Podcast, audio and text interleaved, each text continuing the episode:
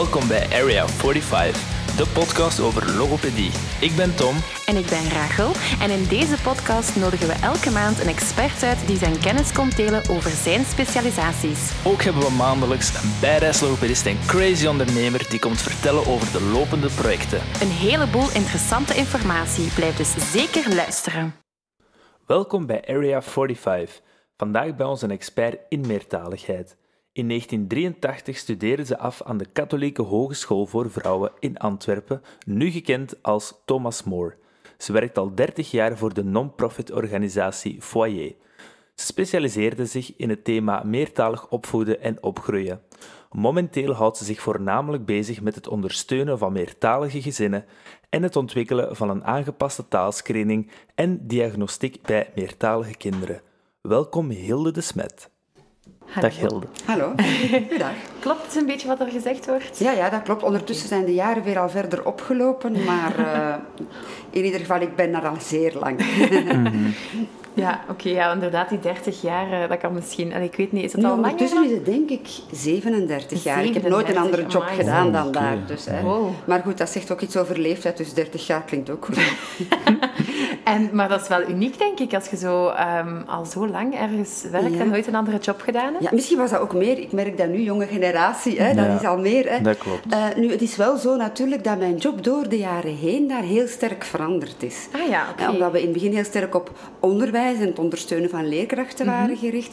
En in mijn verhaal zal je wel merken dat dat nu heel sterk geëvolueerd is naar gezinsgericht werken. Ah, ja, dus de inhoud van de job is wel geëvolueerd, maar het was altijd van op dezelfde plek. Ah ja, oké. Okay. Ja. Maar het is wel fijn hè, dat de inhoud dan wat verandert. Ja, ja, ja. Nou, zo blijft het ook een beetje ja. fris. Ja.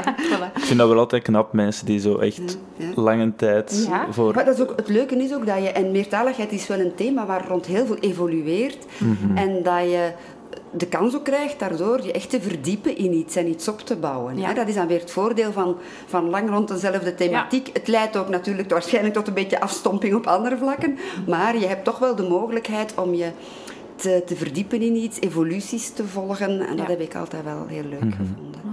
Ja, nog iets dat mij opviel. Uh, katholieke hogeschool voor vrouwen. Ja, nu, het was toen al gemengd, al waren ook toen de jongens in de opleiding logopedie zeer zeldzaam. Maar dat, ja, dat was toen nog de, de, de officiële naam. Ik weet niet of het al zo nee. genoemd wordt, maar de naam Thomas More is toch wel een hele tijd later gekomen. Toen ja. was ik daar al heel ja, lang weg. Dus... Uh, Inderdaad. Oké, okay. okay, um, ja, zoals gewoonlijk onze eerste vraag, ook voor u.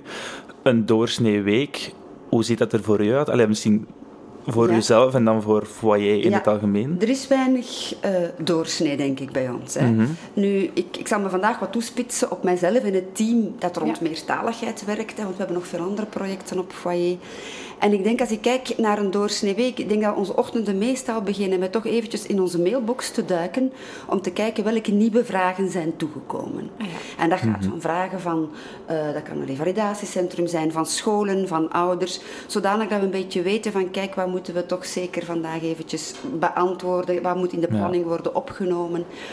En dan um, in de loop van een week, zal ik maar zeggen, heb ik altijd wel een aantal keren dat ik een taalanalist bij mij krijg. Daar zullen we straks waarschijnlijk nog wel wat meer op ja. ingaan. Mm -hmm. uh, om dan uh, heel concreet voor een bepaald kind te gaan bekijken uh, de opnames die ze heeft gemaakt, het gesprek met de ouders dat ze heeft gehad.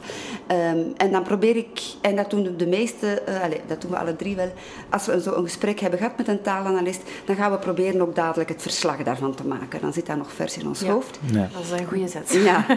Daarnaast hebben we wekelijks ook wel telkens een aantal adviesgesprekken met individuele ouders. Hè.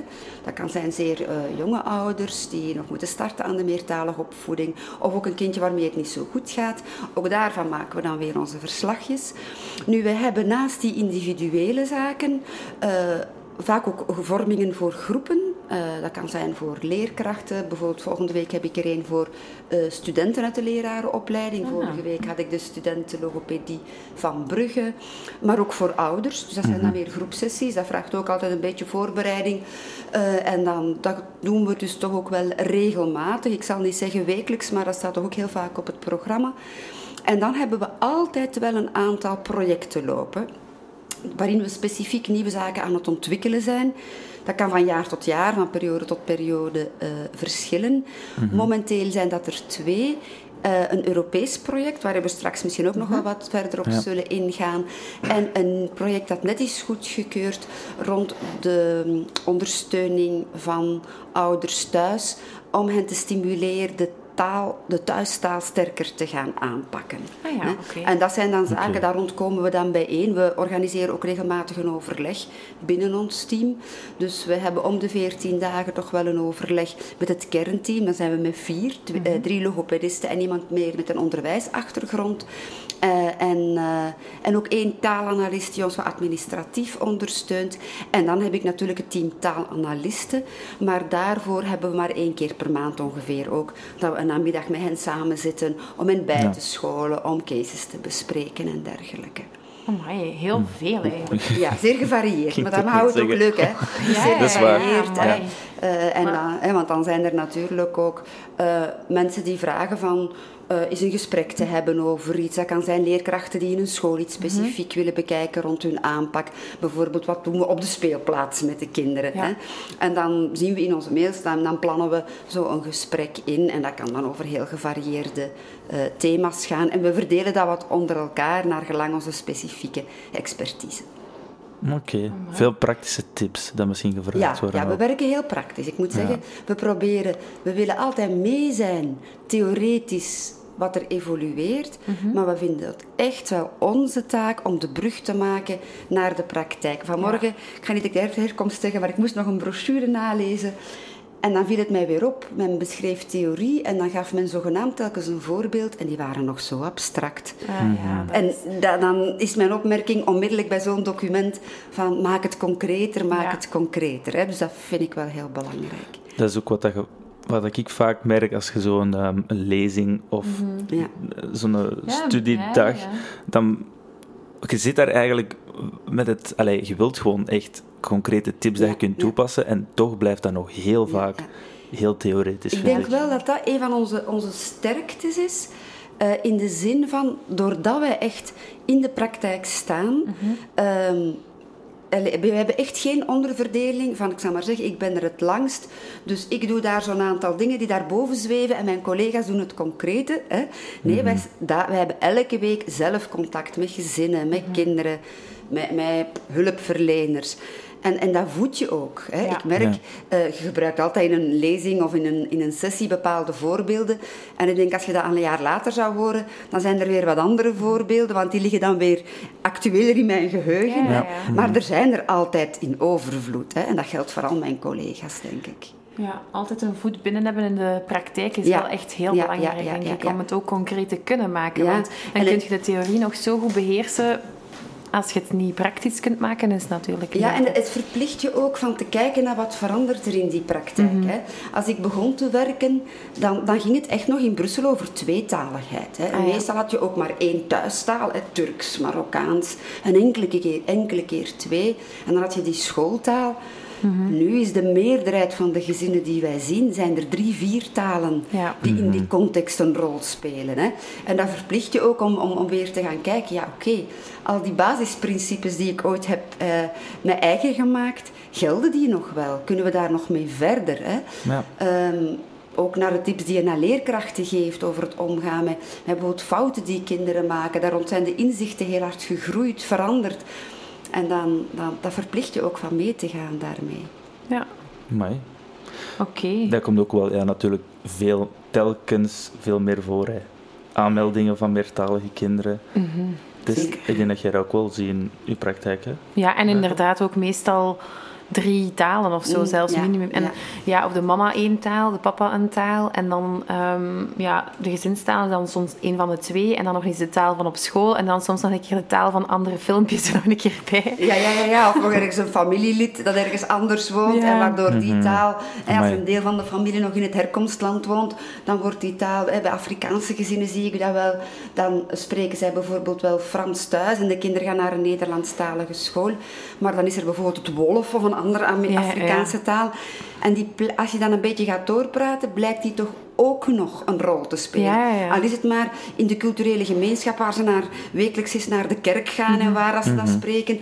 En dan plotsklaps het skypen en het contact met die familie in het herkomstland komt dan ook naar voren. Dus als je even gaat praten, dan zie je dat er vaak nog uh, wel talen gaan bijkomen die toch ook wel voor dat kind een betekenis zullen hebben. Ja, oh, en dat is ook, als ik dat dan hoor, dan denk ik soms, oh, hoe moet ik dat hier gaan aanpakken? Hoe, mijn, hoe moet mijn advies er gaan beginnen uitzien? Um, ik heb zo'n paar dingen dat ik wel zeg, maar daarom dat ik het ook super interessant vond dat je ging uh, langskomen vandaag. En ja, nog een keer. Oké, goed. Dus um, we hadden al een beetje besproken. Hè? We hebben altijd zo een, een verkennend gesprek met onze spreker. Um, dus vandaag zullen we het wat meer over hebben over de analyse. En dan, mm ja, dus echt vooral de taalanalyse en dan het advies dat jullie geven. Hè? Ja, ja. Oké. Okay. Um, hoe moeten wij dat ons voorstellen? Hoe ziet dat eruit als mensen aangemeld worden bij jullie? Uh, mensen, ouders kunnen zelf contact met ons opnemen. Mhm. uh, maar heel vaak is het de hulpverlener of de school, het CLB, die gaat doorverwijzen. Hè. Ah, ja, We hebben daar ook een handig oproepformuliertje voor, omdat we dan alle informatie een beetje... Hè, maar soms krijgen we gewoon een mailtje, dat is ook geen probleem. Hè. Dus dan wordt dat bij ons, die aanvraag, geregistreerd. We gaan eerst checken van, kunnen we het wel doen? Hè. Mhm. Vanmorgen bijvoorbeeld had ik nog een aanvraag voor Checheens. Uh, ook al melden we dat overal welke talen we hebben ik begrijp dat. We doen ook adviesgesprekken, dat kan weer voor andere talen. En als we dan blijkt dat we die taal niet hebben, dan ga ik zeggen van de mensen, kijk, we kunnen geen taalanalyse doen, we kunnen wel een taaladviesgesprek doen met de ouders. Dus eerst ah, eventjes kijken, past het wel in dat vakje van taalanalyse? Dan gaat een collega van mij, die uh, houdt zich wat bezig ook met die registraties. En dan wordt de aanvraag op de eerste plaats doorgegeven aan de taalanalist. Want zij spreekt de moedertaal, hè, dus de, de taal die gaat onderzocht worden, dus ook de taal die de ouders waarschijnlijk het best beheersen. En zij gaat de ouders contacteren, uh, nog een beetje uitleg geven, want vaak zeggen de ouders, ja, maar mijn kind heeft op school een probleem met Nederlands, waarom moet ik nu in hemelsnaam bij jullie komen om het Turks te laten testen? Hè? Ja. Dus die plaats staat dan nog eventjes, waarom dat, dat toch belangrijk is. En um, normaal gezien, in coronatijd hebben we nu wel twee werkwijzen, maar normaal gezien komen ze dan één keer naar onze consultatie in Brussel. Uh, de analist ontvangt hen en zij gaat met de ouders een vragenlijst afnemen en gaat dan de observatie doen van het kind. We kunnen zelfs misschien eventjes schetsen hoe dat we dat doen. Mhm. hè. Maar in ieder geval, zij gaat, nagelang de leeftijd hebben we verschillende technieken. Zij doet de observatie van het kind. Daarna gaat ze dat verwerken. Daarvoor heeft ze toch wel een tweetal uur tijd nodig. Ah, ja, hè. Uh, dat, hè, dat, vraagt toch wel wat tijd. Na verloop van tijd worden ze daar ook wel vaardiger in. Hè. Mm uh, en dan wordt er een gesprek ingepland tussen de analist en, en mijzelf of een van de, Sophie of Sumaya, een van de andere uh logopedisten. Uh, we gaan met hen die vragenlijst bespreken, hè, want ze hebben daardoor die ouders dat gezin beter leren kennen. We willen dat niet gewoon van dat blaadje aflezen, maar ook hun indruk. We bespreken heel hun uitgeschreven taalanalyse. En dan maken wij daar een verslag van. En in dat verslag gaan we uiteindelijk in ons besluit proberen wat tips te formuleren voor de hulpverlener en voor de ouder. Maar gaan we toch ook een eerste aanduiding geven van zien wij een goed ontwikkelde of een vrij normaal ontwikkelde moedertaal, rekening houdend met het feit dat het natuurlijk een taal is die zich in een migratiecontext ontwikkelt. We verwachten van een Turks kind in Brussel niet wat we verwachten van een Turks kind uh, in Turkije, hè, waarschijnlijk. Mm -hmm. Dus, maar een, een, taal die kan beschouwd worden als een normaal, voldoend ontwikkelde thuistaal, zien we een vertraging of zien we eventueel toch tekenen van een problematiek? Mhm. En dat willen we. We geven, stellen dus geen vaste diagnose, maar we gaan proberen toch de kinderen een beetje in die drie groepen op te delen. Oké. Je zegt nu wel rekening houdt met dat het in een migratieachtergrond is. Dus dat wil dan eigenlijk zeggen, uh, omdat ze dan niet bijvoorbeeld bij, in de winkel um, en rondom zich ook hun moedertaal horen dan? Ja, ja, hè, we, eh, ja het heeft met verschillende redenen te maken. Uh, dus inderdaad, het is een taal die je hoort in een beperkte context. Mm -hmm. Ik groeide op in Antwerpen als kind. Ik leerde Nederlands. Daarna hoorde ik die taal ook op school. Ik hoorde die in mijn omgeving. Mm -hmm. Ik heb die taal op heel... Ik leerde daarin schrijven. Ik ja. leerde daarin lezen. Dus ik had heel veel informatiebronnen en prikkels. Ja.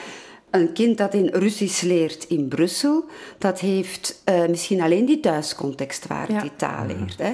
Dat heeft zo wat consequenties eventueel voor de uitgebreidheid van de woordenschat. Ja, Oké, okay, we accepteren dat die wat minder mag zijn, maar als we bijvoorbeeld woordvindingsproblemen merken, mm -hmm. dan gaat dat ons toch doen denken misschien van, goh, waar, een kind dat voortdurend zelfs in die beperkte woordenschat niet op woorden kan komen, moet zoeken, mhm. dan is dat toch voor ons een aanwijzing, er is misschien toch wel iets mis. Het is meer dan een kind dat niet zo'n rijke taal heeft. Hè. Ja. We merken bijvoorbeeld dat kinderen minder gemakkelijk echt samengestelde zinnen gaan gebruiken, want in een thuistaal gebruik je dat niet zoveel. Mm je zegt thuis niet, je moet je jas aan doen, omdat het koud is buiten. Mhm. Je zegt, schat, doe je jas aan, het is koud buiten. Ja, Dus het is eigenlijk wel acceptabel dat een kind misschien wat kortere zinnen maakt, maar ik wil wel correcte zinnen kunnen horen. Mhm. Eh, fout, als mijn Russische collega zegt, ja, maar die woordvolgorde, die, die, dat, dat, zit echt niet goed. Mhm. Ja, dan gaan we dat wel doen denken aan, hier loopt iets mis. Hè? Een kind dat in het Russisch zijn werkwoorden niet vervoegt, dan gaan mijn collega's zeggen, ja, maar dat hoor ik kinderen. Normaal, Russische kinderen in hun taalontwikkeling gaan wel experimenteren, maar die maken wel vervoegingen. Dit kind doet dat niet. Ja. Dan gaat dat wel een signaal zijn voor een mogelijke problematiek. Dus we proberen dat onderscheid te maken en dat lukt vaak wel vrij goed. Ik wil even vragen, je zegt nu een taalanalist. Ehm, wie, wie zijn dat? Ah ja, een goede vraag. Een heel goede vraag. Ik wou daar ook een heel goede vraag. Uh, want dat is ook wel wat een verschillend, want uh, ik weet aan, aan, aan, Thomas Moor heb je de opleiding taalanalisten. Mhm. En wij hebben eigenlijk toch nog een andere soort taalanalisten. Hè? Ah ja, oké. Ja. Wie zijn die ah. mensen bij ons? Dat zijn mensen die op de eerste plaats zijn aangenomen, uh, voor, ook voor een ander project, namelijk als intercultureel bemiddelaar. Dat wil zeggen, zij hebben, okay. worden opgeleid om in ziekenhuizen, in scholen, in hulpverlening de brug te maken tussen hulpverlener en cliënt. Ja? Ah dus ze hebben al ah, een deontologische scholing, ze hebben al uh, vaardigheden om met mensen in gesprek te gaan, wat toch ook al belangrijk is.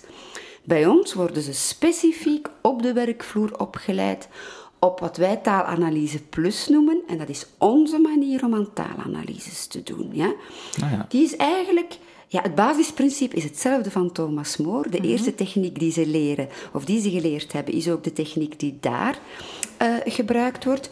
Maar omdat wij kinderen zien vanaf een vrij jonge leeftijd, hebben ze bij ons drie technieken geleerd om kinderen te zien. Ja?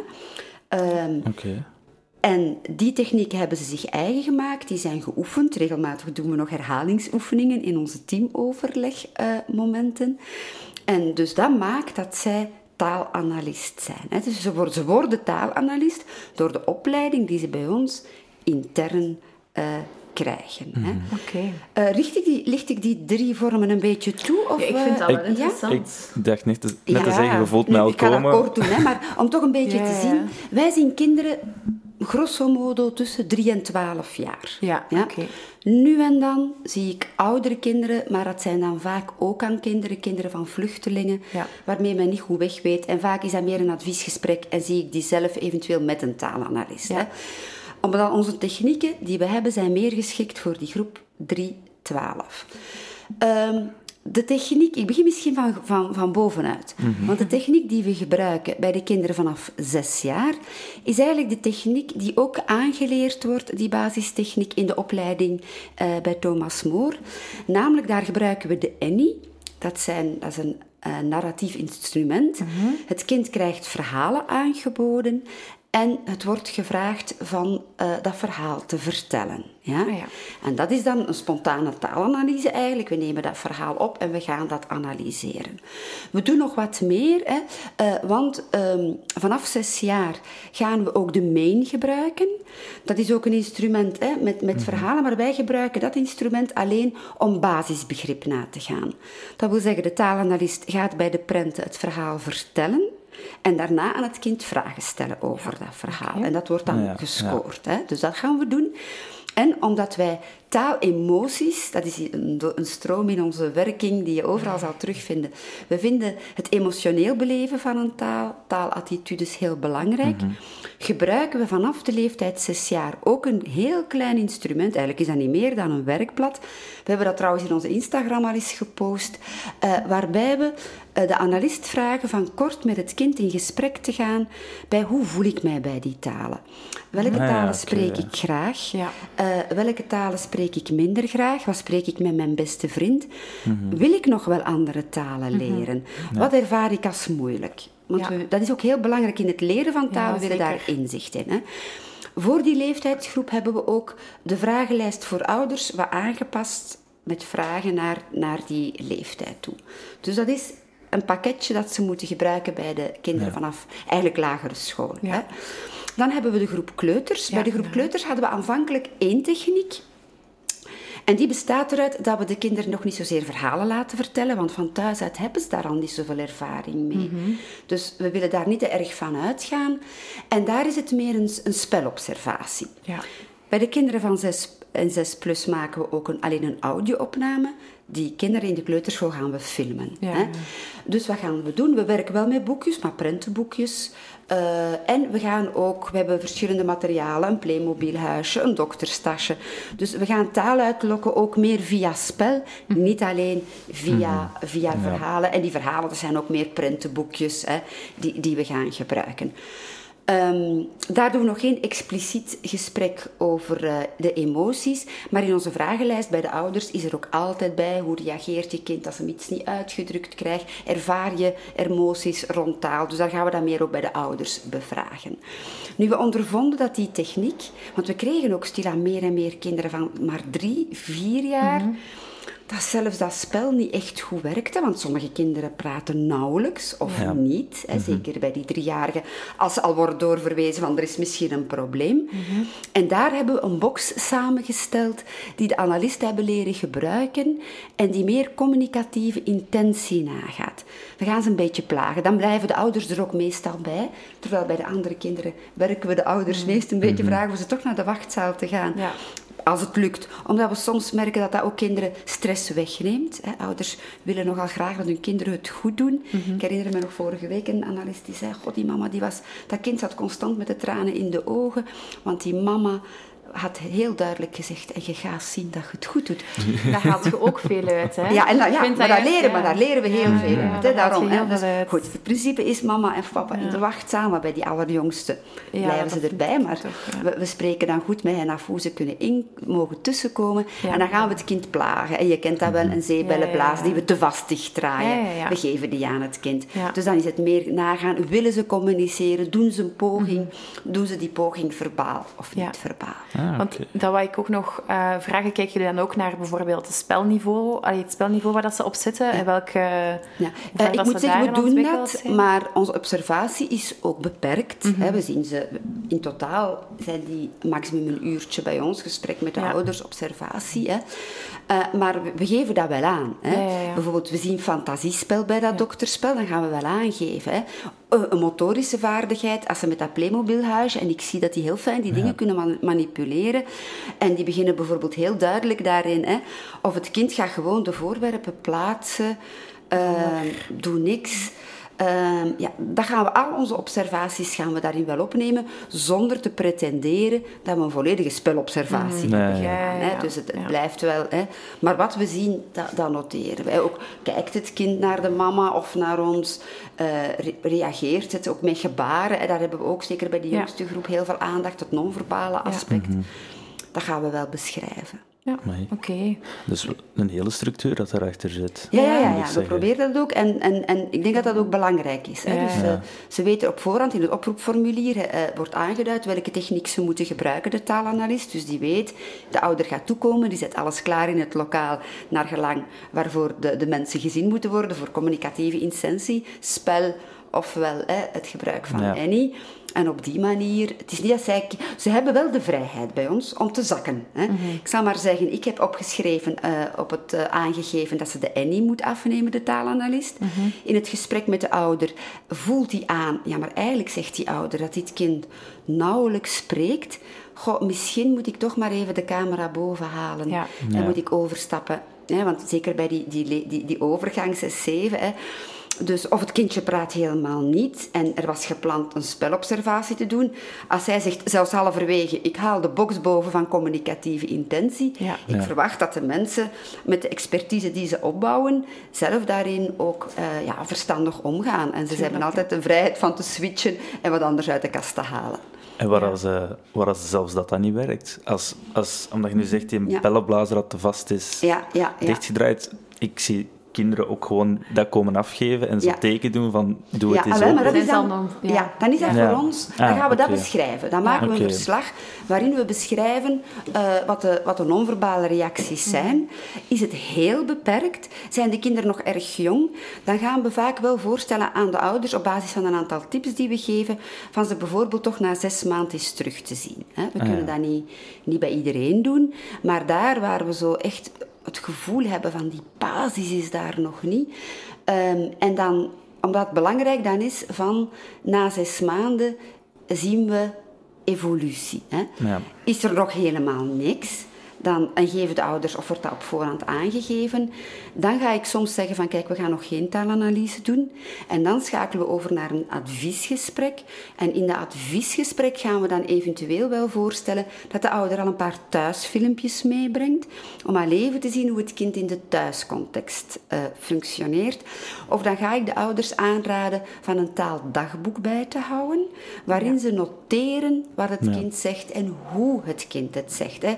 Zegt hij plaats van chocolade chocolata, dan schrijft hij op. Hè. Maar dan zegt hij toch tenminste chocolade. En... Ja, ja, ja. zegt hij nog niet. Maar dan kan ik zo'n beetje zien, of kunnen we op die manier... En dan gaan we vaak ook wel een opvolging doen en uh, zeggen na uh, zes maanden. Maar ik zeg, dat kunnen we niet bij alle kinderen doen, want onze aanvragen stijgen zo sterk. Ik had nog eens vorige week de aantallen bekeken. En uh, ja, we moeten ook proberen altijd te zoeken. Het is een evenwicht. We willen het grondig doen. En toch moeten we ook tijdsefficiënt, zeer tijdsefficiënt werken. Ik zit momenteel met 90 aanvragen. Dat wil zeggen, nog 90 kinderen die we moeten zien. Maar dat gaat toch alleen maar meer en meer ja, worden? en, en wat, bij wijze van spreken, elke klant... We verliezen geen klanten. We winnen er alleen. Mhm. hè? Dus bij wijze van spreken, iemand die weer ontdekt... In principe beperken we ons tot Brussel. Ja.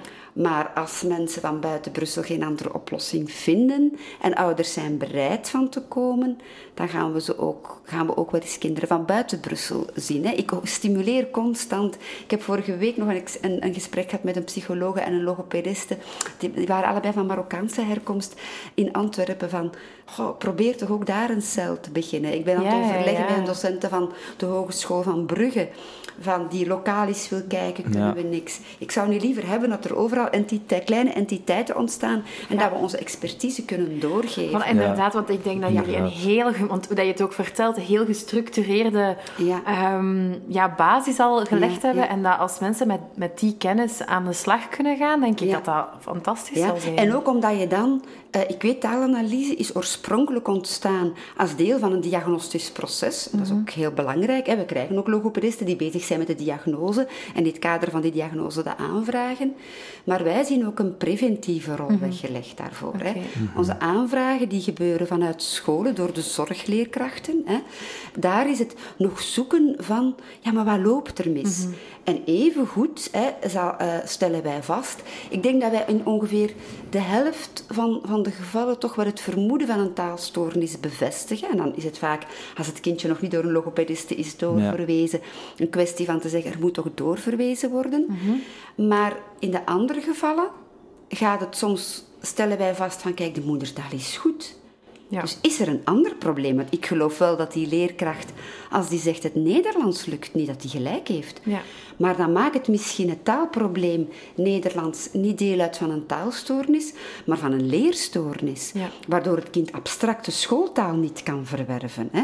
En dan moet er met het CLB een ander soort testing verder of een multidisciplinair onderzoek eh, gaan gebeuren. Hè.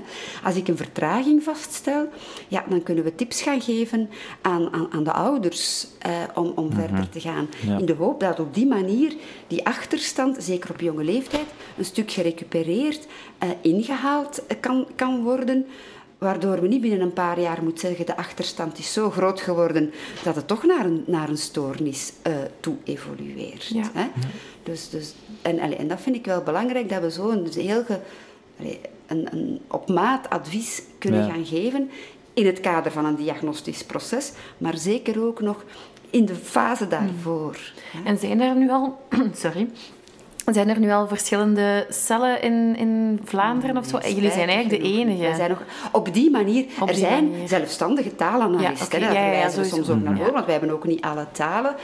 Dus er zijn, vanuit de opleiding die Thomas Moor geeft, hè, uh, zijn er een, op, op, op hun website vind je al gewoon een heleboel. Voor, voor een 10, 15 talen vind je al een aantal taalanalisten terug. En daar kan je zeker als logopediste wel beroep op doen, want dan moet je het zelf gaan interpreteren. hè. Mhm. Maar vanuit onze filosofie Nee, dat bestaat, dat, bestaat, nog, dat bestaat nog niet. En inderdaad, daardoor merken we... Ik denk dat we vorig jaar een 250 taalanalyses op één jaar tijd hebben gedaan.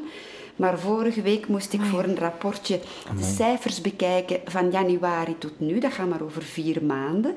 En we hebben er nu al 150 gezien. Oh, dus ik wil niet zien wat het nu na een jaar weer gaat worden. Hè?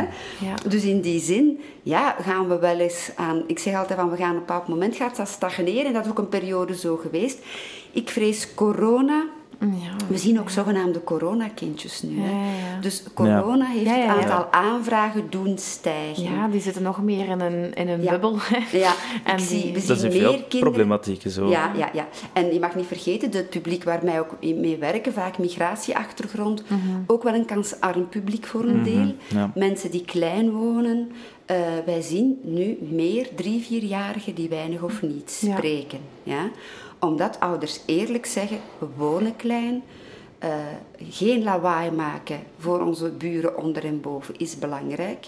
Wij hebben geen andere optie dan onze kinderen zoet te houden. Dat is niet alleen van ik wil mijn kindje niet stimuleren, maar ja, de taalstimulans voor kinderen is achteruit gegaan, waardoor scholen meer alarmsignalen uitzenden. En ook al gaat dat niet allemaal over taalgestoorde kinderen, mm. wij zien meer kinderen met een uh, problematiek. Ja. ja. want je zegt nu vooral kansarme gezinnen. Ja, dat is ook wel vaak. Hebben die dan soms niet... ik weet niet of dat je mag vragen, maar kunnen die dat betalen, zo'n zo'n hele analyse? Of vragen jullie... Wij zijn zeer laagdrempelig. Hè? Ah, een taalanalyse kost 20 euro.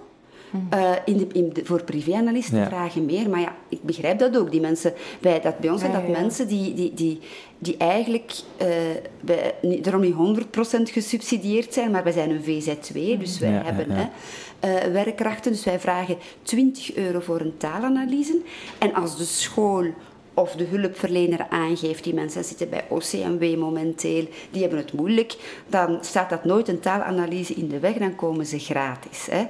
Uh, een adviesgesprek is sowieso gratis omdat we zeer laagdrempelig willen zijn op dat vlak. Als mensen moeten al de moeite doen van te komen en ze moeten daar ook nog voor mhm. betalen. Ja, zeker als je elke euro moet omdraaien, dan is dat lastig. Dat is waar. Dus uh, een adviesgesprek is altijd gratis. En we hopen dat ook zo te blijven. Dat we zeggen dat wij projectjes dingen van ons uitschrijven. Hè, om toch maar te zoeken naar manieren waarop we zelf als VZ2 hè, dat kunnen gratis uh, houden. Dat is wel knap. Mm Want je biedt eigenlijk wel heel veel kwaliteit. Hè? Ja, we proberen dat toch, hè, want dat is ook belangrijk, denk ik. We willen, Het mag niet zijn dat je aan kwaliteit gaat inboeten omdat de middelen beperkt nee, uh, zijn. Hè. Uh, in coronatijd hebben we uh, wel gaan zoeken naar een alternatieve werkwijze. Um, en hebben we wel een tijd gewerkt met thuisfilmpjes. Dat was iets beperkter, omdat we dan begrip wat moeilijker konden nagaan. Maar ook daar hebben we toch gezocht naar een verschillende techniek voor kleutertjes en lagere schoolkinderen. En daar waar we voelden dat het niet voldoende opbracht, en want dan moesten de ouders zelf de taalstalen gaan ont, ont, ontlokken. En de mhm. vragenlijsten werden telefonisch gedaan. Maar als onze analist het eh, aangaf van kijk, ja, maar ik voel echt die mama stelt zo'n gesloten vragen, het lukt niet, gaven ze eventueel nog eens een tweede kans, hè, wat op zich was dat mhm. geen probleem. En anders zeiden we van kijk, nee, toch beter dat je komt. En sommige ouders ja, gaven het zelf aan, we gaan dat niet kunnen, we willen liever komen. Ja. Hè. Dus, ah, eh, dat is toch wel belangrijk dat we daarover kunnen, kunnen waken. En hoeveel talen hebben jullie eigenlijk? We hebben een tiental talen waarvoor we taalanalyses kunnen doen. Hè. Ja. Uh, voor talen waarvoor we dat niet kunnen doen, is er altijd een adviesgesprek mogelijk, op voorwaarde natuurlijk dat een van de logopedisten met de ouders in gesprek kan gaan. Hè? Of met de taalanalist erbij, maar goed, dan zouden we ook in principe uh, een, taalanalyse kunnen doen. Hè? Dus dat wil zeggen, uh, als ik kijk naar ons, uh, de drie logopedisten samen, dan hebben we Nederlands, Frans, Engels, Spaans en Marokkaans-Arabisch. Dus we kunnen al met heel veel mm -hmm. gezinnen in gesprek gaan. Maar bijvoorbeeld nu die aanvraag voor dat Tsjecheens gezin dat ik deze ochtend binnenkrijg. Ik heb nu het signaal gegeven van kijk, een taalanalyse kunnen we niet doen, want ik heb niemand die Tsjecheens taalanalyse kan doen. Uh, een adviesgesprek kan, maar men gaf aan in de aanvraag ouders spreken beperkt Nederlands. Dus is toch wel mijn vraag van, kijk, is het voldoende of is er een van die andere talen? Want wat we niet doen is nog eens, of ze moeten die zelf meebrengen. Maar wij gaan niet zelf werken met nog een externe tolkendienst. Nee. Uh, ik heb dat een aantal keer gedaan, maar dat was zo moeilijk, zo tijdrovend. En binnen de tijd die we hebben, mhm. hebben we daar onze grens gezet. Als een ouder zelf iemand wil meebrengen om het gesprek te ondersteunen, geen probleem. Maar het zijn niet wij die nog eens tolken, vertalers buiten foyer gaan zoeken om de gesprekken te ondersteunen. Dus daar ligt wel een beetje de grens. Van wat we kunnen doen. Nu zijn er taalanalisten uh, van zelfstandigen. We verwijzen heel vaak ook door dan naar taalbrug. Mhm. hè, uh, en dan, als, als de taal daar wel is, bijvoorbeeld Portugees, ja, dan kunnen ze uh, daar iemand vinden. Dus eigenlijk is jullie adviesgesprek heel vaak in een andere taal dan het Nederlands? Meest taal, meestal. hè. Eh, in Brussel is dat heel vaak Frans, ook regelmatig is Engels. Uh, ja, dus ja, ja, onze adviesgesprekken zijn, zijn in. En nu en dan, als dat voor klassiek, hè, de vluchtelingen nu die we mhm. hebben, we hebben nogal wat Syrische kinderen waar we ah eh, gesprekken voor doen, dan vraag ik wel de taalanalist daarbij. Ah en maar soms is het geen taalanalyse, maar moeten we echt gewoon eens in gesprek gaan met dat gezin. En dan, dan gaat zij dat gesprek wel ondersteunen. Maar onze adviesgesprekken verlopen heel vaak ja, toch voor een deel of in een andere, in een andere taal. Hè. En als de ouders dan bijvoorbeeld zelf geen Frans of Engels of Spaans of Nederlands of wat het allemaal ja. Marokkaans-Arabisch. Um, ja, dan, dan kan het inderdaad niet doorgaan. Maar als ze dan toch zeggen van oké, je mag het in het Engels uitleggen bijvoorbeeld en je hebt zo het gevoel, ze begrijpen het niet. Ja, dan, komt dat dan het gebeurt. Ik heb over laatst een gesprekje gehad dat men dat gevraagd en dan, dan ga, heb ik het in het verslag vermeld dat ik denk dat de mama mij te weinig... Dat was een Koerdische mama en ze sprak Nederlands. En dat was dan nog eens een online gesprek, want nu doen we soms ook online gesprekken. En ik heb die mama proberen. Men had vanuit een CLB gevraagd, van die mama is meer te bevragen naar de thuistaal. Maar ik had echt, men had mij gezegd dat ze Nederlands kon, maar in de loop van het gesprek voelde ik echt van... En dan heb ik gewoon in het verslag ja, weergegeven van, kijk, dit heb ik aan informatie wel gehad, maar van dat en dat ben ik heel onzeker. Want ik denk dat de mama... Ze, ze begreep bijvoorbeeld niet goed... Als ik, ik wou maar weten, begrijpt het kind? Uh, en, en zij begreep uh, niet van... Ging het nu over of wij het kind begrepen mhm. of dat het kindje haar begreep? En ik, ik, kreeg dat verschil maar niet uitgelegd. ja. En ik voelde, die taal was echt te zwak. En ik had zoiets van, ja, goed, ik heb geen enkele taal meer dat ik die vrouw dat kan vragen. Dan laat ik dat wel vallen, maar dan heb ik die informatie ook niet. Mhm. Dus dan, ja, dan moeten we gewoon onze beperking aangeven. Hè. Wat we natuurlijk ook soms doen is... Uh, zeker voor mensen buiten Brussel, meer gewoon tips gaan geven aan de logopedist of de CLB-medewerkster soms, hoe dat ze er zelf mee aan de slag toch kunnen gaan. En we gaan er ook niet van uit dat alle kinderen naar ons doorverwezen moeten worden. Hè. Mhm. We stimuleren ook hulpverleners om al maximaal zelf aan de slag te gaan. Uh, met, uh, met mhm. gesprekken. Ja, want jullie... Wacht wel, jij vragen dan. Ik ga, ik, ik ga echt een domme vraag stellen, maar... Um, als je dan nu voor hebt dat, er, um, dat je merkt, begrijpt die ene vraag, ja. kun je dan... Allez, ik zou al heel snel geneigd zijn, ik tik dat hier even in op Google Translate, en misschien oh, voor die vraag, dat enkel dat... enkele keer, maar... Goh, ook niet, allez, geen Engelse tekst of nee, zo, maar één vraagje. Dat, dat kan niet. Of ouders gebruiken daar soms zelf wel eens naar.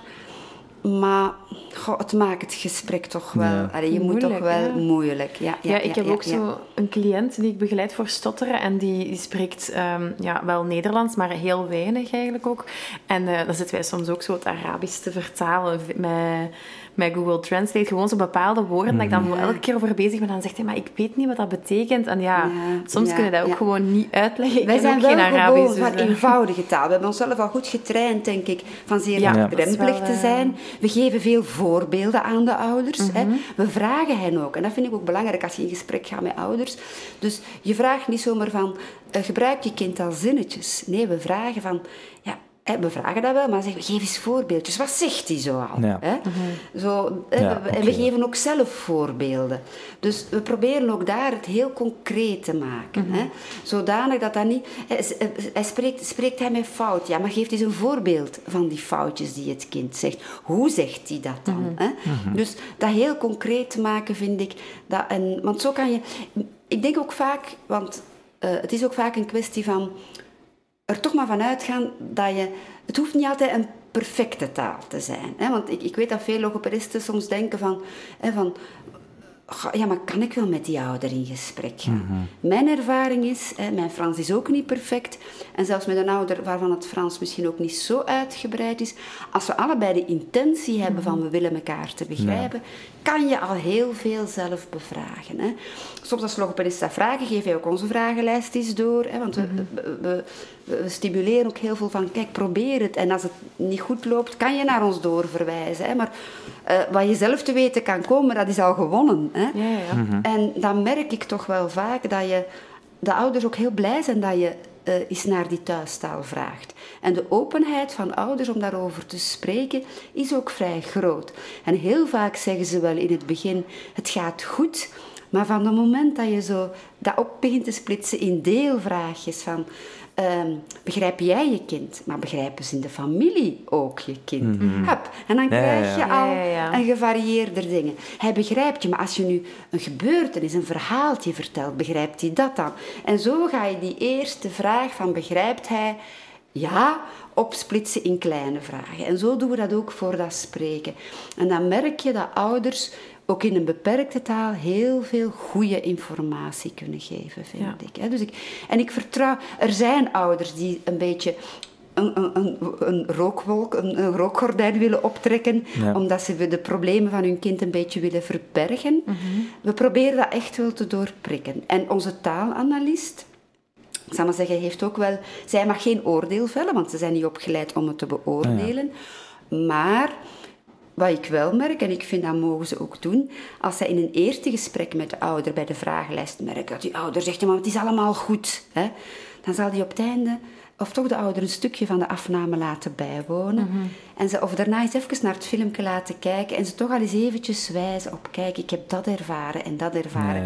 In de hoop dat de ouder misschien dan nog een beetje een secundair verhaal vertelt. Hè. Dus ze mag dat wel eventjes, dat, dat, dat verhaal doorprikken van die ouder. Ze gaat geen conclusies trekken. Hè. En als de ouder vist, ja, maar is, is het wel goed? Hè? Vorige week had een collega van mij van, je gaat toch wel zorgen dat het een goed verslag is. Hè? Uh, ze, hè? Dat, dat, is menselijk. Hè? Dat is een ouder die, die, die nog niet het probleem wil zien en vaak heel bang is dat haar kindje een etiket zal krijgen.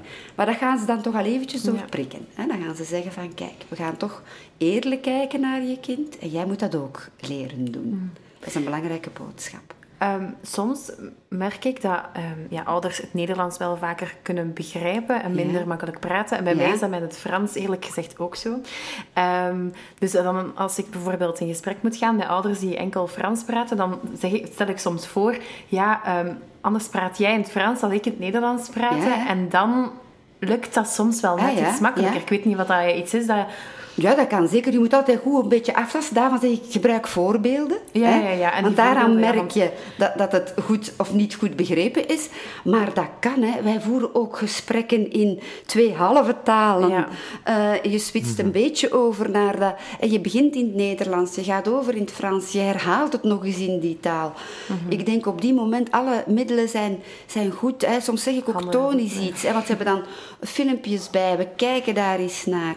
Mhm. Dus dat vaak het, het, gebeurt niet zo vaak dat we moeten zeggen het lukt niet. Maar je hebt natuurlijk een basis nodig. Hè. Ik begrijp, er zijn nog altijd ook scholen die zeggen wat moet je doen om in gesprek te gaan met ouders die de taal helemaal niet spreken en jij kent hun taal niet. Ja, daar heb ik ook geen tovertechniek. Nee, Dan moet je ofwel een tolk hebben, ofwel kan je niet praten. Allee, ja, hè. Er zijn geen, geen mirakeloplossingen voor alle communicatieve problemen. Oké, maar je zei daar juist ook iets over, mhm. van, ehm, dat je graag ook uh, de informatie doorgeeft. En je zei dan ook bijvoorbeeld als mensen u de intakevragenlijst of zo willen, uh, dat je die soms ook, die ook doorgeven. Ja, ja, ja. ja. Ehm, we, wat kan eigenlijk een logopedist doen die dat um, een aanmelding krijgt van een kindje die dat meertalig is en um, dat ze twijfelt van oké, ik heb hier wel een taaltest mhm. afgenomen, maar ik heb niet echt heel goed zicht op die uh, moedertaal. Wat kunnen wij dan als hm. logopedisten... Een... Ik denk dat een basis toch altijd moet zijn proberen in gesprek te gaan met de ouders en ze daar kort over bevragen. hè? Mhm. Mhm. Rond taalstimulans thuis, wat doe je mee? Dat je zowel de context begrijpt, waar, welke talen zijn er, hoe worden die aangeboden en wat doet men daarmee? Dat je een beetje kan, dat kan inschatten en dan toch ook eventjes die vroege en die actuele taalontwikkeling bevragen. Hè? Zoals we al een beetje hebben gezegd dat vind ik toch wel belangrijk dat ze dat proberen. En allez, een, een, raad die ik daar ook bij kan geven is. Uh, niet buiten dat voorbeelden geven. Uh, vraag eens, als ouders zeggen, ja, maar thuis spreekt hij wel. Hè, dat gebeurt ook bij ons. Mm ja. maar, dan zeg ik, film dat eens thuis. Hè. Dus laat, laat thuis filmpjes tonen. Je mhm. ziet zo... En dan leer je ook heel veel bij wat ouders begrijpen van wat is taal. Ja. Ik heb al thuisfilmpjes gekregen van, hè, waarvan de ouder denkt van ik heb nu de taal van mijn kind gefilmd. Mhm. En dan zijn dat een aantal Koranversjes die worden opgezegd. Ah, ja. Een gedicht dat het kind declameert. Kindjes die flink aan het helpen zijn in de keuken, want mijn kind is toch flink, maar ik hoor geen taal. hè. Uh, dus je, dat, dat, zie je ook. Hè. Een mama die probeert talen van papa taal uit te lokken op een heel goede manier of op een heel alleen maar tellen en kleuren benoemen. Ja. En, en daar dan heel trots op is. Hè. Dus die thuisfilmpjes leren jou heel, sowieso heel veel. dus dat vind ik... Een taaldagboekje vind ik ook een heel goed instrument. En het, het leuke van taaldagboekjes is... Dus dan vraag ik echt, schrijf nu eens een week op regelmatig wat dat je kindje zegt. Dat mag in het Nederlands en in de thuistaal zijn. En je schrijft dat maar fonetisch op. En eh, we gebruiken dat als techniek om ook evolutie een beetje na te gaan. Want dan houden we dat bij. En na drie, vier maanden laat ik dat nog eens doen. En dan pas doen we dat bij wijze van spreken, dat eerste taaldagboekje weer open en dan gaan we eens vergelijken. Soms ook heel leuk voor ouders die voelen dat zelfs minimale inspanningen hebben iets opgebracht. het kind doet al meer, hè? het zegt al meer. Ehm, dus dat zijn, dat zijn leuke manieren die, denk ik, een logopediste sowieso wat wel kan gebruiken. Hè? Ehm, en die nog niet betekenen dat je een volledige taalanalyse gaat, uh, gaat doen. Ehm, dus ik denk dat je dat toch zeker moet doen. Heb je dan nog echt het gevoel van het levert te weinig op, dan zou je nog een taalanalyse kunnen, kunnen vragen hè, of, of, kunnen zien is dat mogelijk.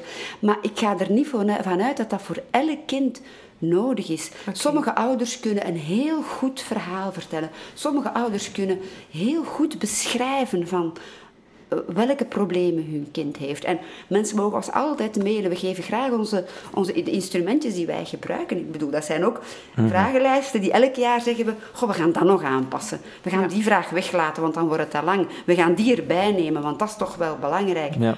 Dus we delen graag de expertise die, die, die we hebben. Is het eventueel een mogelijkheid dat we een, een, een link naar een van die dingetjes... Um... we hebben dat niet echt online op de website staan. Omdat we dat ook niet willen dat mensen dat zomaar gaan downloaden en gebruiken. ja, ja. Uh, zonder dat we minimaal informatie kunnen geven. Maar mensen mailen ons en ze mailen het door. We hebben wel al wel eens op Instagram bijvoorbeeld hebben we al eens dat, dat emotieblad gezet, dus daar delen we soms wel iets. Dat is heel waardevol, vind ik, jullie Instagram. Ik vind dat daar heel veel dus, interessante uh, Daarin proberen we kort, dat zijn vooral Soumaya en Sofie, twee jonge collega's, die, die beheren dat en die, die doen dat inderdaad. Dat is van maar nog maar één jaar dat we dat doen.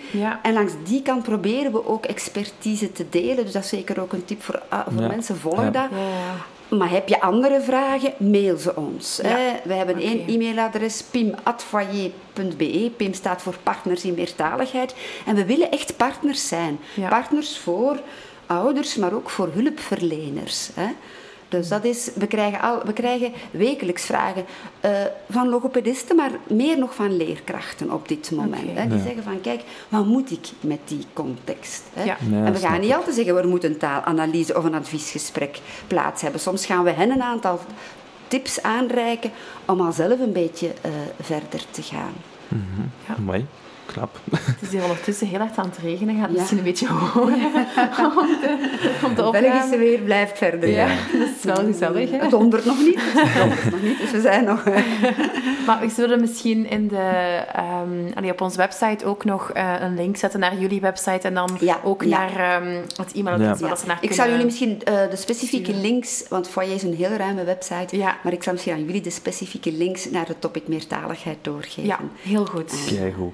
Perfect. Uh, je zei in het begin ook iets van een Europees project. Ja, ja. Dat er uh, zit aan te komen.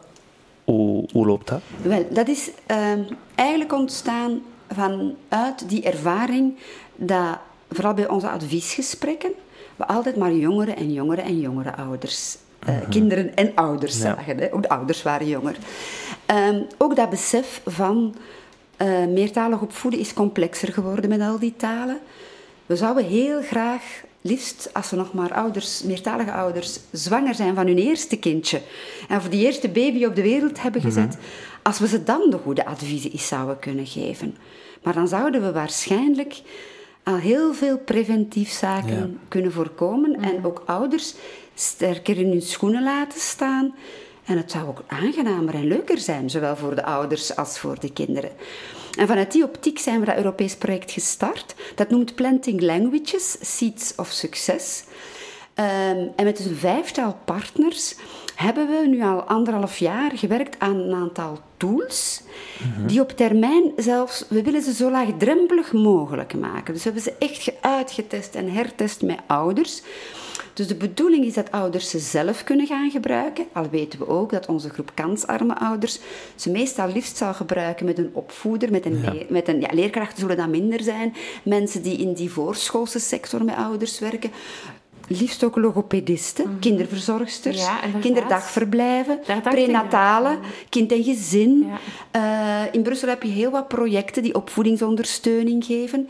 De belangrijkste tool is een reflectieboekje geworden, mhm. waarin we in acht stappen ouders stap voor stap samen doen nadenken in hoe zouden wij in onze context best uh, een taalaanpak organiseren. En dat gaat veel verder dan één ouder, één taal. Hè.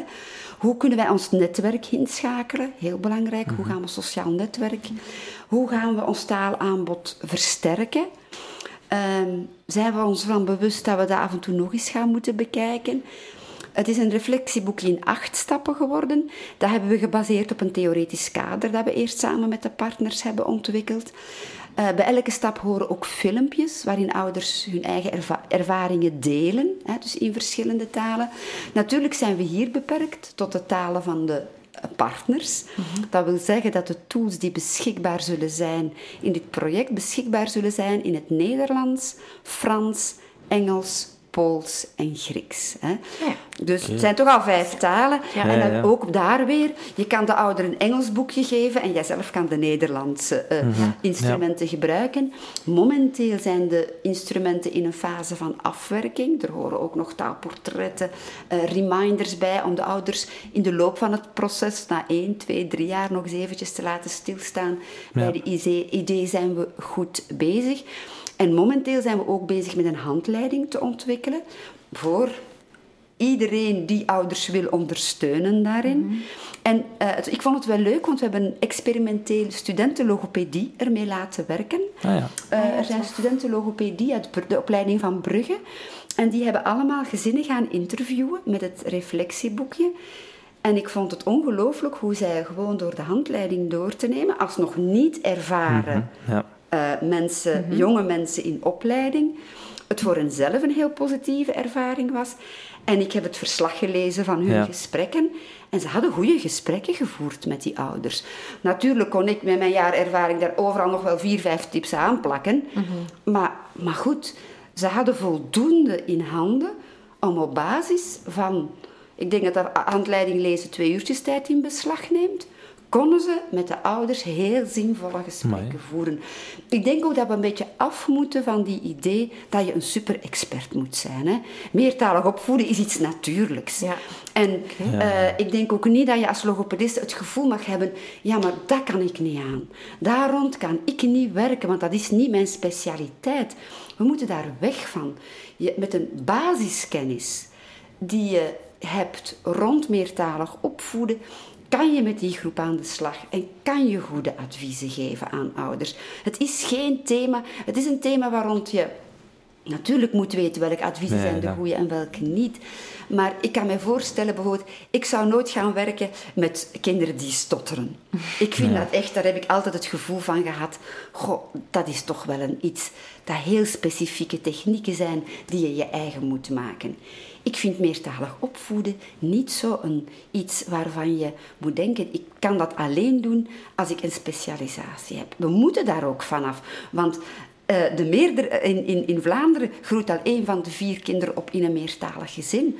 Dus elke logopediste mhm. moet dit aandurven en aankunnen. En ik vertrouw daar ook op. Dat als ik nu zie wat die studentenlogopedie aan goede gesprekken voeren met ouders, dan denk ik, kijk, zie je, het, is, het kan. Ja. Vind je dan dat dat in de opleidingen nog meer aan bod moet komen? Omdat uh, ik denk dat, dat groeit ook telkens. Zegt, ik weet in Antwerpen, ik heb minder contact met de opleiding in Gent, dus daar kan ik mhm. niet over oordelen. De opleiding in Antwerpen en Brugge hebben dit zeker uh, opgenomen. Wat ik belangrijk vind, en dat vond ik een goede stap die men nu in Brugge heeft gedaan, in Antwerpen heb ik daar iets minder uh, zicht op, is het niet houden, ook daar, bij de theorie. Ja. Want wat voel ik nu? Natuurlijk, die studenten die hebben zeker al, die hadden al een cursus gehad over meertalige taalontwikkeling, en simultane en successieve taalontwikkeling. Je kent al die theoretische kaders en begrippen. Mhm. Ehm, maar ik denk, en ik voelde ook dat ze heel veel hebben gehad, en het was niet zo uitgebreid. Hè. Ze hebben één, twee gezinnen gaan interviewen aan de hand van die tool. Maar die praktijkervaring heeft ten eerste drempels weggewerkt. Uh, het gevoel van we kunnen dat uh, wel doen. Uh, plus, ze hebben geleerd van hoe vertaal ik een, een, kader, een theorie, in eenvoudige bewoordingen naar, naar de praktijk toe. En hoe stel ik dat af? Dus ik denk dat er wel voldoende zit in de opleiding, maar dat geldt misschien ook voor andere thema's, maar dat je het moet koppelen met, ook al kan dat niet heel uitgebreid zijn, met mhm. praktijk. Ja, dat is een, daar staan we ook achter. Ja, maar ik vind dat wel interessant om te horen, want we hebben hier al heel veel gezegd van ja, je hebt daar echt een specialisatie voor nodig, specialiseert je. Je hebt natuurlijk ook het postgraduaat meertaligheid, ja, daar heb ik niks van. ik, ik ga er niks van uitspraken over doen, want ik weet totaal ik, ik, niet wat ik heb dat een beetje, Ik heb daar ooit een beetje in de beginfase aan meegewerkt. Ik denk dat dat heel goed is dat die opleiding daar is. Mhm. Natuurlijk zou ik ook liefst hebben dat dat in de reguliere zit, maar ik besef ook dat er zoveel moet gebeuren in de opleiding logopedie, dat je niet alles kan. Dus vind ik het goed dat mensen die zeggen, ik heb veel meertalige kinderen, ik wil mij daar extra op toeleggen, zeker naar die diagnostiek toe. hè. Maar bij mij gaat het meer om zo die algemene voeling hebben. Mhm. Met wat is meertalig opvoeden? Dat vind ik een basiskennis die iedereen kan hebben en waar ik ervan overtuigd ben, daar gaat het niet om. Ik kan dat alleen maar doen als ik gespecialiseerd ben. Mhm. Dus met dat Europees project willen jullie eigenlijk ervoor zorgen dat er heel veel mensen daar die adviezen wel kunnen geven en de juiste kennis hebben. Ik denk dat dat... Ja, ja. En nu hadden we een vraag gekregen van uh, een van de luisteraars, zo dan ook altijd op Instagram zo een vraag ja, ja, ja, ja, En dan zeiden ze van, ja, welke literatuur Ehm, is eigenlijk handig om te lezen? Is er zoiets dat je zegt van oké... Ik moet zeggen dat ik nu een heel lange lijst heb ja. voor dat Europese project. Trouwens, voor ik het vergeet, waarschijnlijk 9 december, denk ik, mag je al vrijhouden in de agenda, want dan komt de eindconferentie en dan wordt het project eh, de, de, gelanceerd. Uh, ook daarvoor mogen mensen altijd meer. Dat is een heel uitgebreide referentielijst al geworden, die aan die handleiding is gekoppeld. Maar ik heb ook een beperkte lijst, want wat wij doen is, wij proberen ook de literatuur wat bij te houden die bij wijze van spreken ook toegankelijk is voor ouders. Ik zal niet zeggen een echt laaggeschoolde ouders die sowieso niet zozeer gewoon is van om te gaan met geschreven taal. Maar ik heb ook wel een lijstje met literatuur die meer van wat boeken die geschreven zijn vanuit toch dat oogpunt van advies geven aan ouders. En zo zijn er wel een aantal publicaties uh, ik heb er een aantal, vooral in het Engels, maar toch ook wel nog één in het Nederlands, misschien niet zo recent. Maar er is er een nieuwe nu in het Engels, nu de titel ontsnapt ja, mij. Maar... Uh, in het Frans ook wel iets. Dus, en dat zijn misschien de dingen, als je er rond wil gaan lezen, die toch ook wel bruikbaar zijn. Omdat je daar ineens wat een combinatie krijgt van um, uh, theorie, maar al wat vertaald ook naar ouders als publiek toe. Alleen moet je er altijd een beetje voor opletten, denk ik, als je dingen gaat lezen, hoe oud zijn ze. Mm Ik wil dat net zeggen, ja, evolueert toch constant. Ja, Dus. Ik zal niet zeggen dat zaken ook van tien jaar geleden, want op mijn lijstje staan ook nog mhm. oudere dingen, die, die zeker nog valabel zijn. Het is ook niet dat de principes helemaal veranderen, maar ja, het is toch wel belangrijk dat je probeert wat voeling te houden, ook met actuele uh, zaken. Dus ik weet dat ik recent nog aan dat lijstje uh, één of twee dingen heb toegevoegd. Van, dat ik zeg van oké, dat zijn weer de nieuwe boeken, die moeten we eraan aan toevoegen. Misschien kunnen we daar ook uh, iets van op de website zetten? Ja, ik kan dat doorgeven. Hè. Ik kan dat lijstje doorgeven. Hè. Ja, dan zeker geen probleem. Want, dat ik probleem. Zeker dat, dat korte lijstje, wat in van twee, drie bladzijden, dan, dan, dat, is, dat is niet zo bemoedigend. Maar die korte lijst, die denk ik is wel nuttig ook om op, op, de, op de website te vermelden. Ja, want ik denk dat veel mensen we luisteren de podcast in de auto of op de fiets ja, of aan het wandelen zijn. Of wat we kunnen doorgeven, je weet graag. en dan uh, kunnen ze wel eens even kijken op de website. ik denk dat dat belangrijk is. Van, ik weet dat ik vandaag ook dingen vertel, ik taal analyse, dat je het gevoel kan hebben, maar ja, we gaan dat niet zelf kunnen doen. Uh, ik zeg het nog eens, wij, wij zien ons als partners in meertaligheid. Ja. Hè? Dus uh, we willen expertise delen, is een, een, een, een belangrijk iets uh, ja. voor ons. Fijn. Oké, dus dat uh, Europees project, ik vind dat wel echt heel boeiend. En dus jullie gaan dat verspreiden. Ja. je zei net ook misschien kind en gezin en zo, dat zit daar ook allemaal in. Ja, en natuurlijk, het is zo, bij een Europees project uh, wordt er ook verwacht natuurlijk, want dat is iets, je krijgt mhm. financiële middelen om iets te ontwikkelen, je moet iets aan de gemeenschap teruggeven. Mhm. Dus er gaat een website komen, uh, die dus ook tegen december zal klaar zijn, waarop alle tools gratis beschikbaar zijn voor iedereen. Hè? Want dat is ook iets, en wij hopen ook daar weer, wij zullen daar zelf mee werken, want we zijn daar nu wel in onze adviesgesprekken, werken wij al voor die groep ouders, uh, beginnen wij een aparte werking wat ook weer te ontwikkelen, hè, dus voor die zeer jonge ouders. Ehm, maar de bedoeling is ook daar weer dat die, die, die, die reflectieboekjes, die filmpjes, die reminders, een taalkaartje dat ouders kunnen maken om te laten zien overal van welke talen spreken wij thuis dat iedereen die gaat gebruiken. Mhm. En dat mag ook zijn op andere manieren dan wij aanvankelijk voorzien hebben. Hè? Dus daar waar je... We hopen dat mensen daar ook weer veel inspiratie uithalen. Ik denk inderdaad dat het ook wel vaak is dat mensen denken: oh ja, taal is iets dat gewoon spontaan gaat. En we gaan daar pas over nadenken als er echt een, probleem opduikt. Ja, ja, ja, ehm, mijn broer bijvoorbeeld, die, die, uh, die heeft ook een kindje en die spreekt, uh, zijn vrouw spreekt Tsjechisch. Um, en ik zei ook elke keer van, ja, en wat gaan jullie nu doen? Ja, we zullen wel zien, we zullen ah, wel zien. Ze denken daar wel over na natuurlijk, maar ja, dat is zo ja, ik denk dat dat ook wel fijn is als je daar echt mee aan de slag wil gaan op voorhand, dat dat ook kan. Ouders doen dat ook graag. Ik moet zeggen, uh, we hebben zelden een enkele keer gebeurd. Dus ik vraag het nu ook met de studenten. Er was misschien één uh, groepje studenten dat zo het gevoel had, ja, maar die ouders wisten het eigenlijk wel. En dat was ah, dan een vrij eenvoudige tweetalige context. Hè. Maar zeker die gezinnen die met drie, vier talen mhm. zitten, die hebben altijd bijna het gevoel, god, daar en daarover, god, daar hadden we nu nog niet over mhm. nagedacht. Mhm. Bijvoorbeeld het, het gegeven dat je meertalig opvoeden nooit alleen kan doen. Maar dat je moet echt gaan kijken, hoe gaan we ons netwerk inschakelen? Schakelen. Welke rol heeft familie? Ehm, hoe gaan we voor ons kind banden creëren? En dat geldt dan zowel voor die schooltaal, misschien dat Nederlands dat je thuis niet of minder gebruikt, maar ook voor dat Portugees dat alleen de oma in Portugal spreekt. Hè? Mhm. Hoe gaan we banden bouwen met die taal? Dat zijn zaken waar het van goed voor is. Ook je moet niet alles doen vanaf de geboorte. Het moeten ook geen vier, vijf talen vanaf de geboorte zijn. Je kan ook dingen nog later doen. Hè?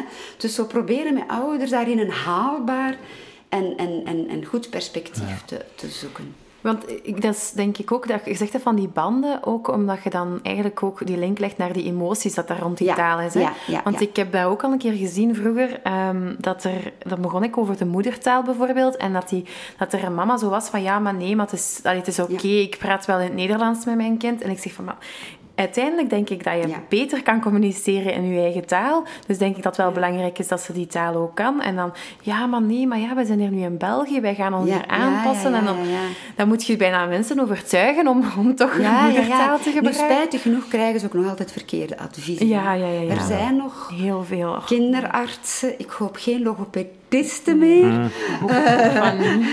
Uh, kleuterleidster, goed bedoeld, maar die nog altijd, en ik vind zeker, allez, ik denk als logopedist is, moet je toch echt, allez, vind ik dat niet meer acceptabel. Hè?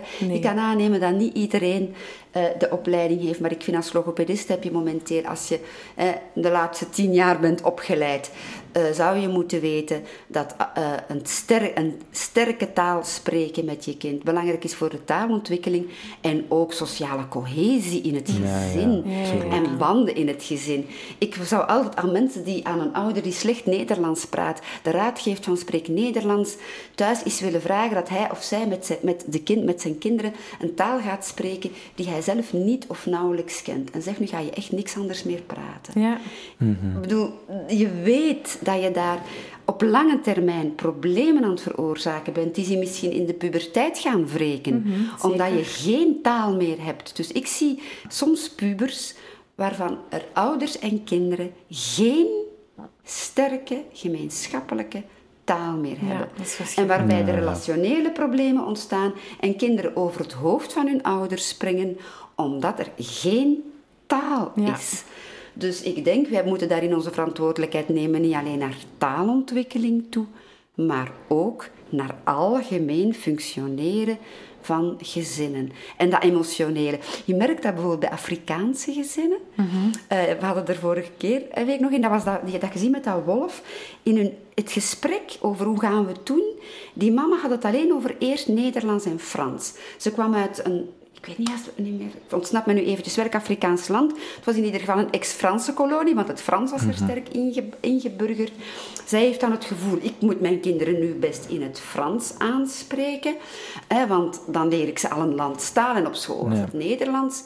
En pas als we bleven doorvragen, dan kwam plots dat wolf naar boven en bleek dat emotioneel. Ze moeten dan in dat reflectieboekje dat in het hart mhm. plaatsen en daar ineens stak die taal en zeg ik, ja, maar, en wat doe je daar dan mee? Ja, maar ik ga daar niks mee doen, want dat is niet nuttig voor mijn kind. Ja, hè? inderdaad. En dan toch eens denken van, oké, wil dat voor mij zeggen dat ze haar, haar, haar aanpak helemaal moet want bij die mensen is het soms moeilijk. Want nog dat Frans is een zeer correcte taal, maar dat Wolf misschien ook niet. Mensen hebben soms geen perfecte taal. En dan is het gaan zoeken naar waar voel je je goed bij, wat kan je goed. Maar durf in ieder geval, als het cultureel, emotioneel belangrijk is, moet de taal een plekje krijgen. Mhm. Ook al is dat niet zo'n heel grote plek. Samen zingen in een taal, een stukje in een taal samen beleven, kan altijd. Ja. ja, ik vind dat wel heel mooi, want inderdaad gewoon zo een paar dingen in dan uw moedertaal. Um, ja, gaan doen. Of ja. ja, uw, uw, uw, culturele taal, ja, zo, ja, waar je vandaan komt. Want dat had die mama ook echt heel sterk van, ja, wij, ja, ik zeg dan ook, maar je gaat toch nog op, op reis terug naar, uw, naar uw familie? Ja, maar ja, het is, het, op school zeggen ze dat Nederlands heel moeilijk gaat. dus, en ze zeggen, je moet, ik moet Nederlands praten met mijn kind. En dan denk ik, ja, maar uw Nederlands is niet ik, goed ik ga genoeg. Wel, wat ik wel doe, of wat wij, wij algemeen wel doen, is de ouder erop wijzen dat hij verantwoordelijk is voor elke taal die het kind leert. Ik ontsla een ouder nooit van de verantwoordelijkheid om het kind mee te ondersteunen in zijn het leren van de schooltaal. Maar dat kan evengoed betekenen het creëren van mogelijkheden buiten de school, door je kind naar een buitenschoolse activiteit te gaan. Mhm. En ook door altijd interesse en nieuwsgierigheid te tonen naar die taal. Ik zeg altijd, elke mama, analfabeet, zonder kennis of met heel weinig kennis van het Nederlands, kan proberen een liedje mee te zingen. Ja. Kan vragen thuis, zeg mij nog eens een woordje dat je hebt geleerd op school. En dat ook eens proberen na, na te zeggen. Hè? Uh, je kan de televisie op Nederlands zeggen en eens meekijken. En af en toe zeggen, ja, maar wat gebeurt er nu? Je kan interesse tonen. Je kan proberen de taal een beetje te leren. Je kan s'morgens tegen de juf, goedemorgen, juf, zeggen. En als je kindje zegt, mama, het is niet goedemorgen, het is mhm. goedemorgen, kan je zeggen, kijk, maar mama probeert, mama durft. Ja. Een heel andere attitude dan, Nederlands is moeilijk, Nederlands is lastig en ik durf het niet spreken. Mhm. hè? Dus iedereen is verantwoordelijk, maar de manier waarop je die verantwoordelijkheid neemt, die verschilt naar gelang het niveau van de taal die je hebt. Kan je het Nederlands, maar spreek je met, met veel fouten, dan maak je er niet een communicatietaal van. Maar je kan al wel eens een spelletje doen samen en zeggen: Nu gaan we het Nederlands oefenen. Mama gaat het ook in het Nederlands doen. Maar na dat kwartiertje sluit je dat weer af en je gaat opnieuw over op je sterkste taal.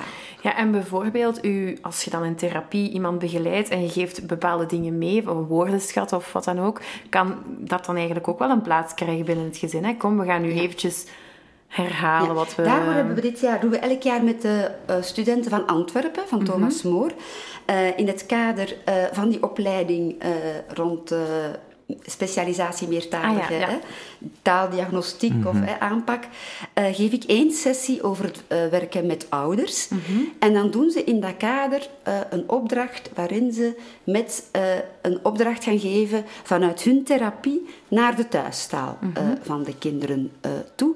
En ik merk dat Natuurlijk, dat zijn dan mensen die al die interesse hebben, dat men inderdaad heel creatief daarmee gaat omgaan. En, en dat kan gaan om woordenschat, maar dat kan even goed gaan om uh, een, aanzetten om een gesprekje te voeren.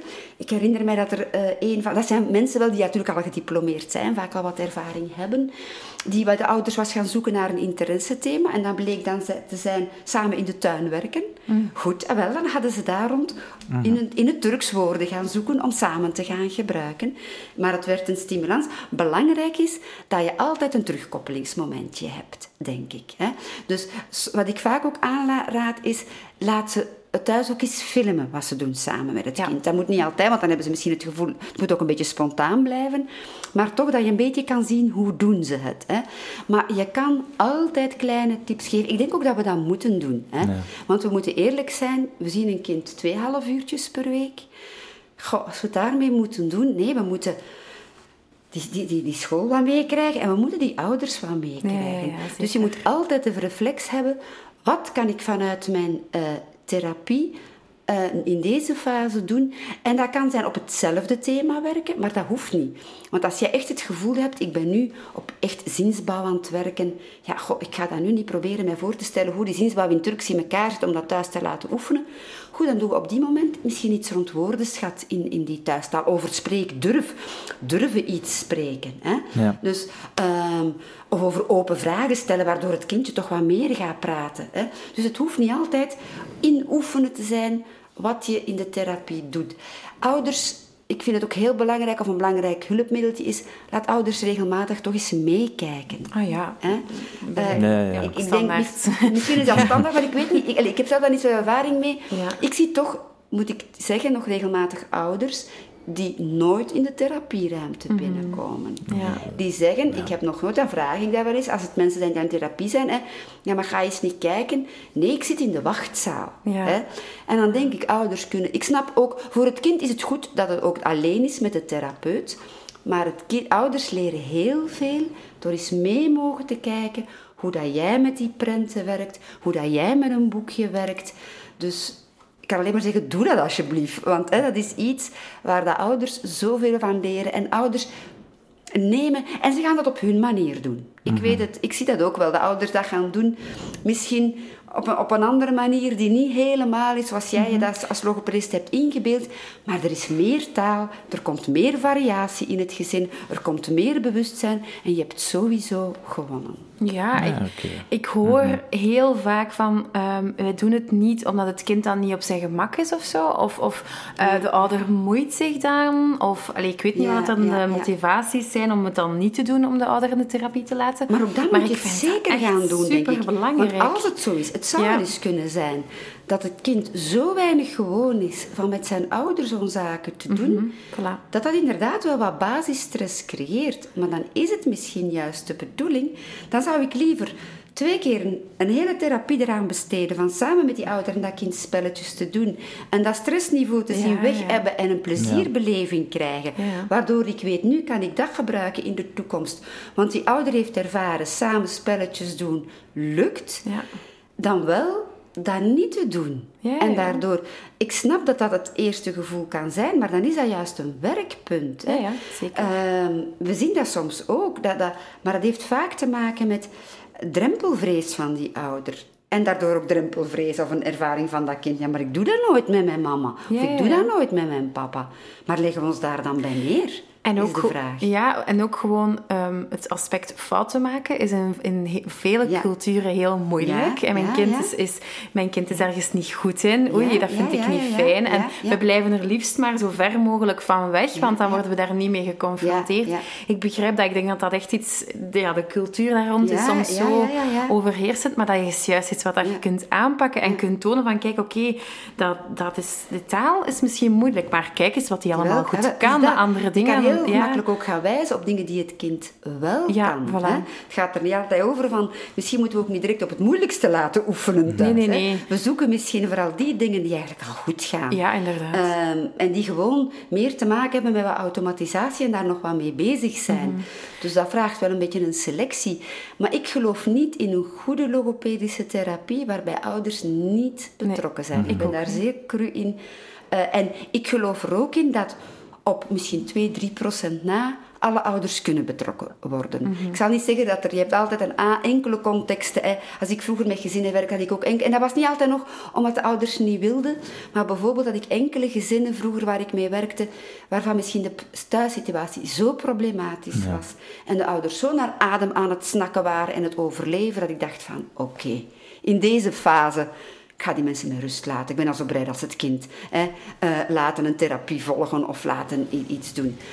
Maar er zijn weinig ouders waarvoor je voor de rest niet mee kan werken, mm denk ik. Mhm. Oké, Oké, dit was dus uh, deel 1. Dankjewel. Hè. Dankjewel. Graag gedaan. Thanks.